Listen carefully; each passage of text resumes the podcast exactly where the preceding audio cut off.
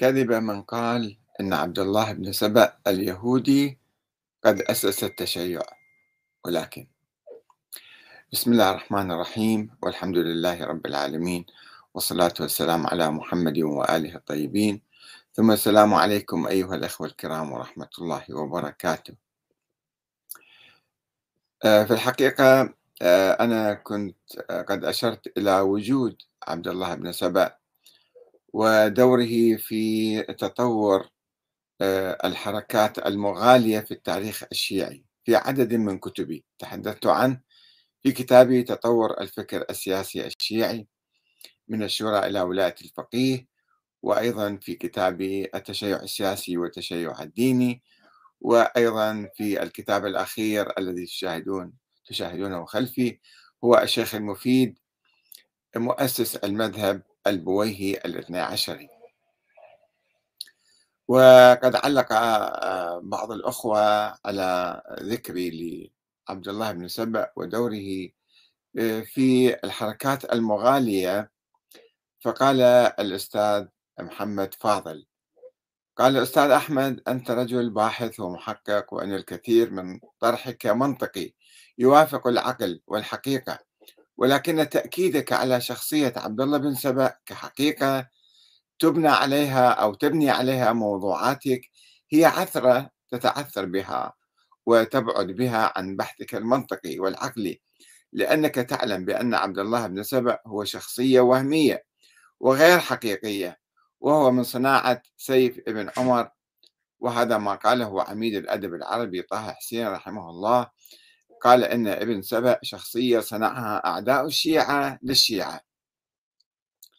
وإذا أردت الحقيقة عليك مراجعة ذلك وهي من صناعة سيف ابن عمر.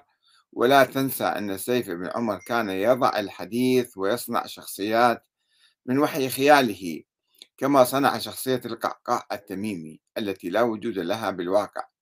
وكان يضع الأحاديث المكتوبة على رسول الله هذا ما قاله السيوطي وابن حبان والدار قطني والحاكم النسابوري وأبو نعيم. قال عنه زنديق متروك الحديث وكذلك النسائي وابن معين وابن حجر العسقلاني. قالوا عنه ضعيف متروك. كيف وأنت الباحث المحقق المنطلق من المعلومة؟ آه، التي توافق الكتاب والعقل تستشهد برواية تنقل عن شخصية وهمية صانعها معروف بالكذب والوضع والزندقة لتبني عليها تحقيقاتك وموضوعاتك لتصل إلى الحقيقة. كيف يكون ذلك؟ واصل الاستدلال بروايات الموضوعة عن شخصية الموضوعة من شخص كذاب ومتهم بالزندقة. عندها تكون نتيجة باطلة وغير موضوعية ومجافية للحقيقة. لا تجعل من قضية بحثك عن الحقيقة تجعلك تقع في مطب الصراع ويجرك هذا الصراع إلى عملية التسقيط والابتعاد عن الموضوعية في النقل وفي الطرح. أستاذ أحمد أعلم أني من متا... أعلم أني من متابعيك وقد استفدت الكثير من أبحاثك ومحاضراتك مع خالص التحية والتقدير. فعلق أحد الأخوة آه، أخ آخر اسمه عيسى القاري آه، على على كلام الأخ محمد فاضل يقول له أحسنت أخي كما أن هناك دراسة للشيخ علي آل محسن بعنوان عبد الله بن سبأ دراسة وتحليل. وفي الخاتمة يقول الشيخ علي بعد هذا البيان كله يتضح جليا أن قضية عبد الله بن سبأ ما هي إلا أوهام وخيالات لا واقع لها ولم يقم عليها دليل ولا برهان إلا أنها مع كل ذلك أعطيت أهمية كبيرة فصار عبد الله بن سبأ سيفا مصلة على الشيعة الإمامية منذ أن ظهرت أسطورته في القرن الثاني إلى يومنا هذا. فترى علماء وكتاب أهل السنة أول ما يواجهون به الشيعة هو أنه أن مؤسس مذهبهم رجل يهودي مسوس حاقد على الإسلام والمسلمين ومن المؤسف حقا أن تدان طائفة من طوائف المسلمين بشيء موهوم. وتتهم بأمر مكذوب ثم لا يقبل لهم قول ولا تسمع لهم كلمة. فرددت على الأخ هذا قلت له وهل تريدني أن أكذب التاريخ الشيعي وأحاديث الأئمة من أهل البيت التي تلعن ابن سبأ وأصحاب ابن سبأ والفرقة الممتدة إلى قرون لاحقة والمؤثرة في الفرق المغالية الأخرى؟ كالخطابية والمفضلية والمفوضة والنصيرية وما إلى ذلك فأجابني الأخ عيسى قائلا؟ طبعا لا. لا أريدك أن تكذب التاريخ الشيعي يا أستاذ أحمد العزيز فالكتب التي أرخت لتلك الفترة العصيبة المعروفة بعصر الحيرة أي بعد وفاة الإمام الحسن العسكري هي كتب قيمة جدا ومنها نستطيع دراسة واستنتاج ماذا جرى في تلك الفترة المهمة من التاريخ الشيعي؟ كتاب فرق الشيعة للنوبختي قيم جدا وأيضا المقالات والفرق اللي هو لسعد بن عبد الله الأشعري وغيرها. ولكن هؤلاء المؤرخين مع احترامي شديد لهم يقعون تحت المجهر وتطبق عليهم قاعدة علمية متفق عليها وهي أن العلماء مأمونون على ما نقلوا مبحوث معهم فيما قالوا. فهم اجتهدوا ودونوا لنا التاريخ في كتبهم التي وصلت لنا. ولكن إذا كانت كتب الحديث تخضع للتحقيق من قبل العلماء من ناحية السند والمتن والعرض على القرآن فما بالك بكتب التاريخ؟ إلى أن يقول كما غيرت كثيرا من معتقداتك يا أستاذ أحمد بعد الدراسة والتمحيص ووصلت لنتائج مغايرة مثل عقيدة المهدي التي طعنت في سندها الروائي. فمثل الشيء يطبق على الروايات الواردة في كتبنا الحديثية عن لعن الأئمة لعبد الله بن سبأ. أخوكم عيسى. آه، فأنا أجبت بجواب مختصر وسوف أفصل الموضوع إن شاء الله. آه، لأنهم يستشهدون قبل آه، الشيخ علي آل محسن بالحقيقة هو السيد مرتضى العسكري كتب كتاب عن عبد الله بن سبأ وأساطير أخرى وقد التقيت بالمرحوم السيد مرتضى العسكري في التسعينات في لندن. عند زيارتي إلى لندن وطرحت معه الموضوع وقلت له بأن بحثك ناقص وغير علمي لأنك بحثت فقط رواية الطبري عن سيف ولم تبحث ولم تبحث بل لم تقترب من الروايات الشيعية حول ابن سبأ ودوره في التأسيس لنظرية الوصية والغلو. نظرية الوصية التي كان يقول بها في يهوديته بالنسبة ليوشع بن نون وصي موسى والغلو في الإمام علي والعنف ضد الشيخين كما ينقل النوبختي والأشعر القمي وكذلك روايات الشيعة الأخرى التي يلعن فيها الإمام الصادق ابن سبأ وسبئية وأولاده. وفي الحقيقة أن السيد العسكري وكذلك طه حسين وعلي الوردي ضعفوا رواية سيف الذي يقول بأن ابن سبأ كان وراء ما يسمى تحريك الفتنة ضد عثمان. وأنا أتفق معهم في تضخيم سيف لدور ابن سبأ في التأليب على عثمان. وأنه هو هذا حرك التاريخ كله ولكن هذا شيء والغلو في الإمام علي والنظريات المتطرفة العنيفة التي دسها في المجتمع الشيعي وفي التاريخ الشيعي هذا شيء آخر فيجب أن نفرق بين أمرين. آه، رواية آه، الطبري معروفة هو يعني يرويها واحد عن واحد عن واحد وعن عن سيف. آه، عن عطية عن يزيد الفقعسي.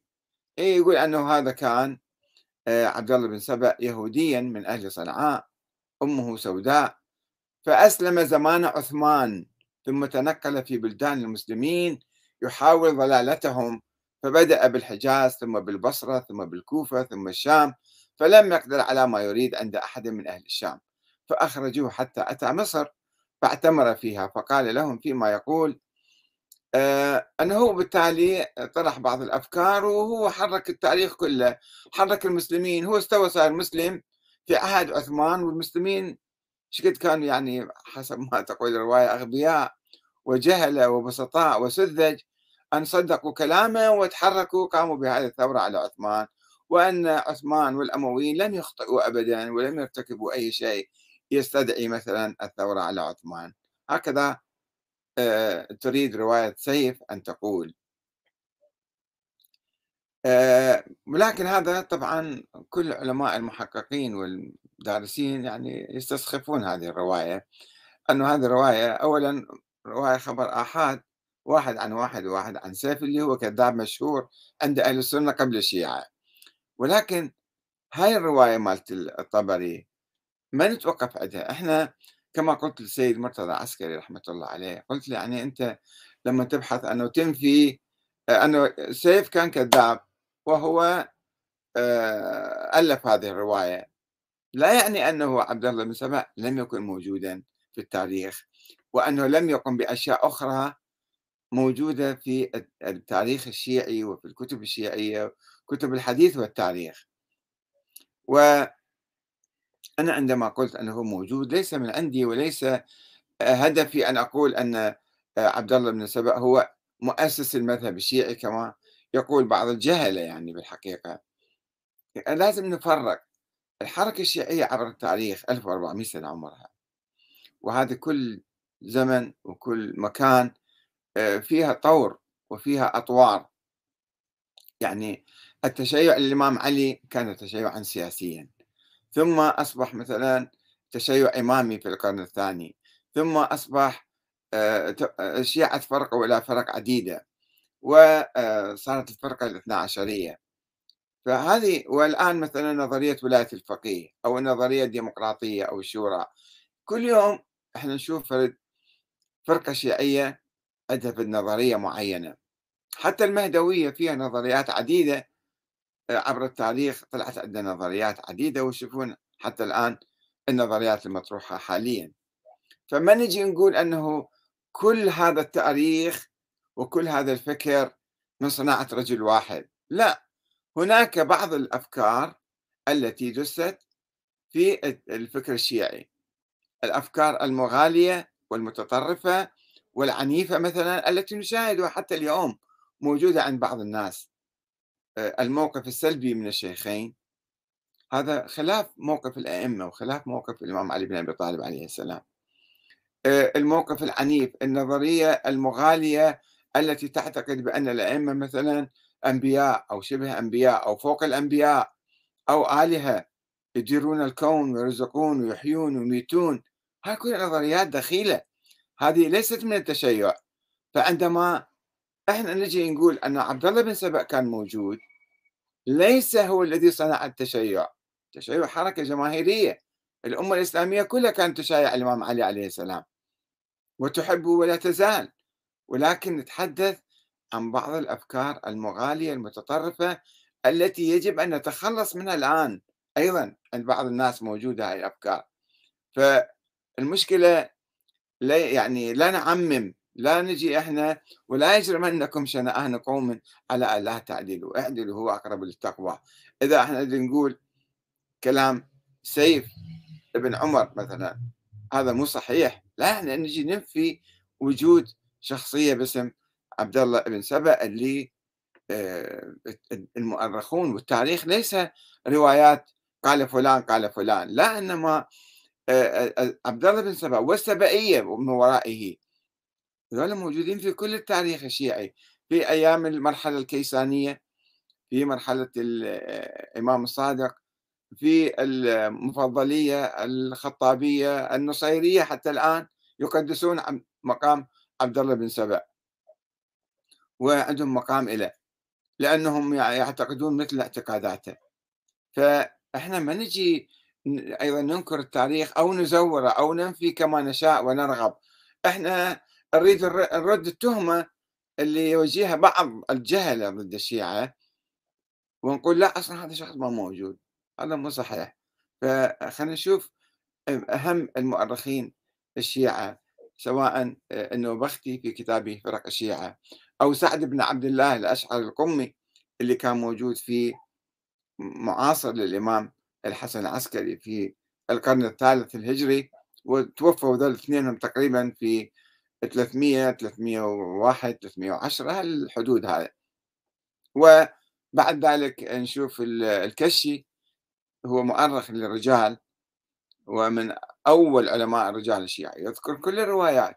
ويجي بعد الصدوق والطوسي سلسلة من علماء عبر التاريخ الشيعي يروون هذه الروايات ويذكرون هذا التاريخ. فما نجي ننسف كل التاريخ ونقول صحيح لأننا نريد أن نرفع التهمة عن أنفسنا. التهمة لا توجه للشيعة. التشيع هو مذهب أهل البيت. هو لم لم يؤسس بيد آه، عبد الله بن سبأ أو غيره. وإنما هناك بعض التيارات المتطرفة المغالية التي تبرأ منها أهل البيت. هذه كان من صنع عبد الله بن سبأ. فيجب أن نفرق بين الأمور. آه نعم. الأشعر القمي ينقل عن جماعة من أهل العلم من أصحاب علي عليه السلام أن عبد الله بن سبأ كان يهوديا فأسلم ووالى عليا وكان يقول وهو على يهوديته في يوشع بن نون بعد موسى أنه كان وصي موسى كان يقول بهذه المقالة يعني وصية فقال في إسلامه بعد وفاة النبي في علي بمثل ذلك أي أنه وصي النبي محمد وإمام مفترض الطاعة. وهو أول من شهر القول بفرض إمامة علي وأظهر البراءة من أعدائه وكاشف مخالفيه. هذا الأشعر القومي يعلق يقول فمن هنا قال من خالف الشيعة أن أصل الرفض مأخوذ من اليهودية. شوفوا فرق الرفض شيء والتشيع شيء آخر. الرفض يعني هو العنف والتطرف والعداء للشيخين. هذا الرفض لا علاقة له بمذهب أهل البيت. أهل البيت والشيعة عامة لم يكونوا رافضة. الرفضة أو الرافضة مجموعة تيار معين هم امتداد لعبد الله بن سبأ. هذا ما يقوله الأشعر القمي وأيضا النوبختي. وطبعا هو اعتمد على أن الإمام علي كان وصي رسول الله وهذا شيء أكيد ثابت يعني. وصي رسول الله والوصية موجودة في التراث الشيعي مكتوبة والشيخ المفيد ينقلها أيضا. الوصية في الأموال وفي النساء. ماكو وصية بالإمامة والخلافة والحكم هذا ما الوصية ما تحمل. فهو طور هاي المسألة. قال ما دام الإمام علي كان وصي النبي إذا فهو لازم الإمامة تكون من حقه أيضا. وهو إمام مفترض. طاعة مثل يوشع بن نون هذا قياس باطل. لأنه يوشع يوشع بن نون أيضا كان نبيا بعد موسى. والنبوة ختمت بالنبي محمد وبعد ما أكو واحد ينزل عليه وحي أو مرتبط بالسماء. لا الإمام علي ولا أحد من الأئمة الآخرين. هذا يصير غلو. أن واحد يجي يطور هاي النظرية. هنا المشكلة. النوبختي أيضا نفس الكلام يقوله. يقول وهذه الفرقة تسمى السبائية فرقة صارت مو شخص واحد. يقول وهذه الفرقة تسمى السبائية أصحاب عبد الله بن سبأ وكان ممن أظهر الطعن على أبي بكر وعمر وعثمان والصحابة وتبرأ منهم وقال إن عليا عليه السلام أمره بذلك فأخذه علي فسأله عن قوله هذا فأقر به فأمر بقتله فصاح الناس إليه يا أمير المؤمنين أتقتل رجلا يدعو إلى حبكم أهل البيت وإلى ولايتك والبراءة من أعدائك فصيره إلى المدائن. ويتابع النوبختي يقول إن هذه الفرقة لاحظوا؟ صارت فرقة بالتاريخ. هذا مو قول مو حكاية مو رواية إنما حدث تاريخي صار. يقول أن هذه الفرقة قالت أن علي لم يقتل ولم يمت ولا يقتل ولا يموت حتى يسوق العرب بعصاه ويملأ الأرض عدلا وقسطا كما ملئت ظلما وجورا. وهي أول فرقة قالت في الإسلام بالوقف بعد النبي من هذه الأمة. وأول من قال منها بالغلو. ولما بلغ عبد الله بن سبأ نعي علي, بالمدائن قال للذين آه كذبت. لو جئتنا بدماغه في سبعين صرة وأقمت على قتله سبعين عدلا لعلمنا أنه لم يموت ولم يقتل ولا يموت حتى يملك الأرض. هذا النوبختي في صفحة 20 والأشعري نفس الشيء الأشعري القمي يقول فهذا مذهب السبائية ومذهب الحربية وهم أصحاب عبد الله بن عمر بن الحرب الكندي في علي وقالوا بعد ذلك في علي أنه إله العالمين وأنه توارى عن خلقه سخطا منه عليهم وسيظهر. هذا أيضا أشعري في كتاب آه، المقالات والفرق. وهو هذا درج يعني عبد الله بن سبأ في البداية قال الإمام علي هو وصي النبي هو أحق بالإمامة. بعد ذلك قال أنه نبي ثم قال بعد ذلك بألوهية الإمام وذلك بحلول الله فيه. والغلاة الذين يؤمنون اللي يسمون علي اللهية هم هذا كلامهم أنه هذا الإمام علي الله حل فيه فهو يعبدوه. واستمرت حركات عديدة عبر التاريخ الشيعي في القرن الأول وفي القرن الثاني والقرن الثالث أيضا تستمر هذه الحركات. وحركات مفصلة يذكرها النبختي وغيرها من المؤرخين وعندنا الروايات أيضا الكشي ينقل لنا مجموعة روايات عن أبي عبد الله عن أبي جعفر أن عبد الله بن سبأ كان يدعي النبوة ويزعم أن أمير المؤمنين هو الله هو صار نبي مالته. تعالى عن ذلك فبلغ ذلك أمير المؤمنين فدعاه وسأله فأقر بذلك وقال نعم أنت هو أنت الله يعني. وقد كان ألقي في روعي أنك أنت الله وأني نبي.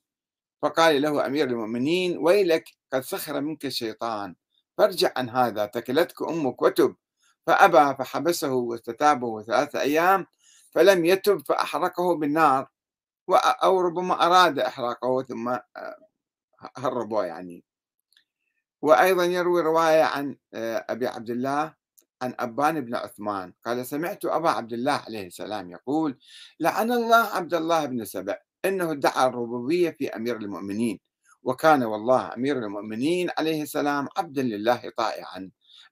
وإن قوما يقولون فينا ما لا نقوله في أنفسنا نبرأ إلى الله منهم نبرأ إلى الله منهم.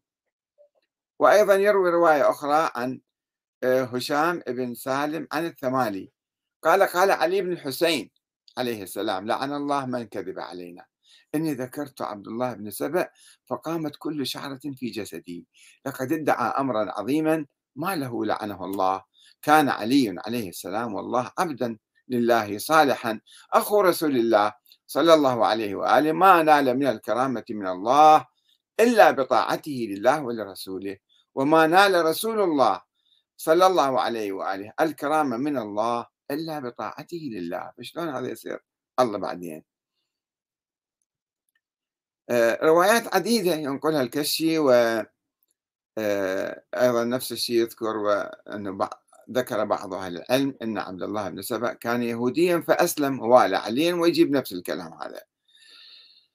وعن زرارة أيضا آه، هناك رواية يجي واحد يقول للإمام الصادق قال قلت للصادق عليه السلام إن رجلا من ولد عبد الله بن سبأ. هذا القرن الثاني أواسط القرن الثاني.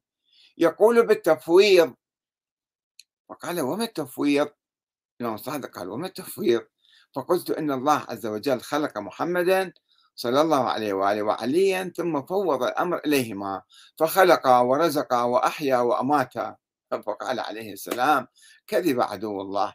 إذا رجعت إليه فاقرأ عليه الآية التي في سورة الرعد أم جعلوا لله شركاء؟ خلقوا كخلقه فتشابه الخلق عليهم قل الله خالق كل شيء وهو الواحد القهار. فانصرفت إلى الرجل فأخبرته بما قال الصادق عليه السلام فكأنما ألقمته حجرا أو ك... أو قال فكأنما خرس يعني. شوفوا يعني هذه القضية كانت مستمرة بالتاريخ. مو رواية وقول وحكاية وإشاعة لا. حدث حدث واحد اجى مغالي واختلق هذه النظريات المتطرفة المغالية اللي انعكست في المجتمع. مو بس أنه عنده عقيدة لا. أنه موقف سلبي من الصحابة ومن الشيخين وبحجة الولاء لأهل البيت. ثم هذا الشيء ينعكس على الشيعة. يعني الناس من يسمعون هالأقاويل آه، أقاويل الغلاة يصورون كل الشيعة يقولون ذلك وهم براء الشيعة لا يقولون ذلك.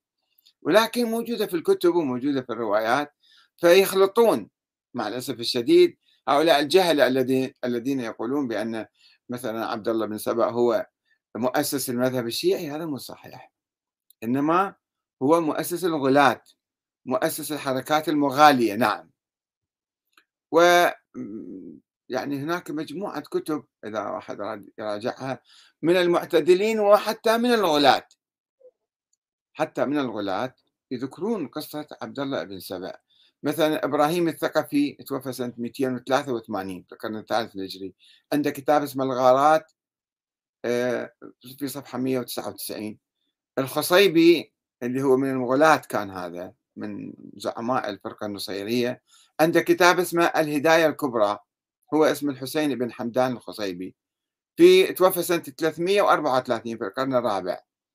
الكشي عنده روايات قرأناها لكم في كتاب اختيار معرفة الرجال معروف الرجال الكشي والجطوسي اختصره يعني في في ترجمة عبد الله بن سبع الشيخ الصدوق توفى سنة 381 في عدة كتب يذكر عبد الله بن سبع في الخصال صفحة 628 لا يحضره الفقيه في الجزء الأول صفحة 325 في الاعتقادات في دين الإمامية أيضا صفحة 100 يذكر قصة عبد الله بن سبع أكو مؤرخ شيعي اسمه الطبري توفى سنة 411 بعد 100 سنة من ذاك الطبري.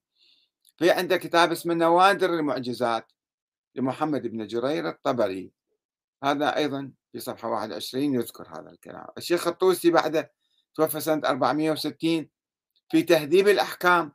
كتاب من من آه، الكتب الأربعة في الحديث عند الشيعة. في الجزء الثاني صفحة 322 وفي الآمالي للطوسي 230 والغيبة للطوسي 191 ورجال الطوسي في صفحة 75 بعد يجي ابن شهر آشوب في كتابه مناقب أبي طالب صفحة 227 آه، جزء واحد. هذا هو توفى سنة 588 في القرن السادس. و آه، آه، الفضائل لشاذان ابن جبرائيل القمي توفى سنة 660 هم يذكر هذا في صفحة 71 العلامة الحلي في خلاصة الأقوال صفحة 372 هو توفى سنة 726 في القرن الثامن يعني. وأيضا بعده اجى ابن داود الحلي عنده كتاب اسمه رجال ابن داود في, في علم الرجال يعني. آه، توفى سنة 740 في القرن الثامن في صفحة 254 وحسن العاملي عندك التحرير الطاووسي لحسن بن زين الدين العاملي صفحة 346 هذا في القرن الحادي عشر. الأردبيلي في القرن الثاني عشر. أو بداية القرن يعني هو كان في القرن الحادي عشر جامع الرواة محمد بن علي الأردبيلي معروف آه، صفحة 485 آه، الجزء الأول. ونعمة الله الجزائري اللي هو هذا هو من الغلاة أيضا في كتابه الأنوار النعمانية جزء 2 صفحة 234 ونور البراهين جزء 2 صفحة 308 ومحمد المازندراني وكاشف الغطاء في أصل الشيعة وأصولها آه، توفى سنة 1373 وحتى السيد مرتضى العاملي ومحمد الريشهري هذا كان وزير اطلاعات في إيران وهو محدث وعنده كتب ودراسات في الحديث. أيضا نذكر بالتفصيل ويقول يعني ما يصير ننكر وجود هذا الشخص إنما هذا موجود ولكن الصورة المضخمة أنه هو قام بتحريك التاريخ وتحريك المسلمين وافترى على كل الأمصار وسوى ثورة على عثمان هذه كذبة. هذه قصة لم تثبت وغير معقولة. أما أنه هو موجود فهو موجود لا شك فيه. فالبعض يطالبني بأنه أنا خلي أعيد النظر. كما نفيت مثلا وجود ولد للإمام العسكري أنا مو نفيت من كيفي. هم علماءنا السابقون يقولون لا لا يوجد لدينا دليل تاريخي على ولادة هذا الشخص والأدلة الظاهرية المتواترة الإمام العسكري قال أنا ما عندي ولد وإنما نحن وقعنا في أزمة. فماذا نقول؟ الإمامة يجب أن تستمر. وإذا قلنا الحسن العسكري ما عنده أولاد يعني انقطعت الإمامة وكل هالنظرية انهارت. فلكي لا تنهار النظرية علينا أن نفترض وجود ولد للإمام العسكري. وألف سنة إحنا عايشين على هذه الفرضية وهذا الافتراض. فإحنا يجب أن ننظر إلى واقعنا اليوم أنه بالتالي هل النظريات هذه تؤثر على واقعنا وعلى وحدتنا وعلى آه، حريتنا وموضوع العدالة في المجتمع الإسلامي؟ لاحظوا كيف أنا أكرر كلامي. أن كل الأبحاث التي نبحثها لها علاقة بالشورى بالحرية بالديمقراطية يعني لها علاقة بالوحدة الإسلامية. فالنظريات المتطرفة الأسطورية هذه تسبب العداوة والبغضاء في المجتمع. نظريات خرافية أسطورية ومغالية متطرفة مثل هذا عبد الله بن سبأ اللي دس هالأفكار وأسس له تيار مستمر إلى اليوم بالحقيقة. في بعض الأوساط حتى بالنجف وقوم. بعض المشايخ بعض الذين يدعون الاجتهاد والمرجعية أيضا. يتبعون عبد الله بن سبأ في أقواله. ولا أقول كل الناس أقول يوجد بعض الأشخاص يعتقدون أن الأئمة مثلا هم الله خلقهم وقد تحدثت عن ذلك في عدة محاضرات قبل أشهر. أن الأئمة الله خلق الأئمة والأئمة خلقوا الكون والرزق والحياة والموت وكذا كله بيدهم. وإذا تدعو أنت الله أو تدعو فاطمة الزهراء نفس الشيء كل واحد. هذا كفر شرك بالله تعالى. هذا موجود. فإذا هذا يسبب آه، تفرقة بالأمة الإسلامية ويسبب آه، عداوة وبغضاء وتناحر وطائفية عنيفة تصير. وأيضا آه، يبعدنا عن النظام الديمقراطي العادل لأنه بعد إحنا راح نكون متصارعين دائما. وعايشين بالخرافات والأساطير فما نؤمن بالديمقراطية هل الحركات المهدوية شوفوها اليوم؟ آه، أصحاب القضية وغيرهم كل هؤلاء يعادون آه، التطور الشيعي الحديث الحاصل عند الشيعة نحو الديمقراطية ونحو الوحدة والمحبة والأخوة والسلام في المجتمع الإسلامي. فإذا نحن آه، يعني نبرأ إلى الله ما قال عبد الله بن سبأ ونلعنه كما لعنه أئمتنا أمير المؤمنين والإمام زين العابدين والإمام الصادق والإمام الباقر وكل وكل علمائنا الأفاضل الكرام. ونتبرأ من كل ما قال حتى نعود إلى القرآن الكريم وإلى الفكر الإسلامي الأصيل الذي يجمعنا والعدالة في ظل الأنظمة الديمقراطية. والسلام عليكم ورحمة الله وبركاته.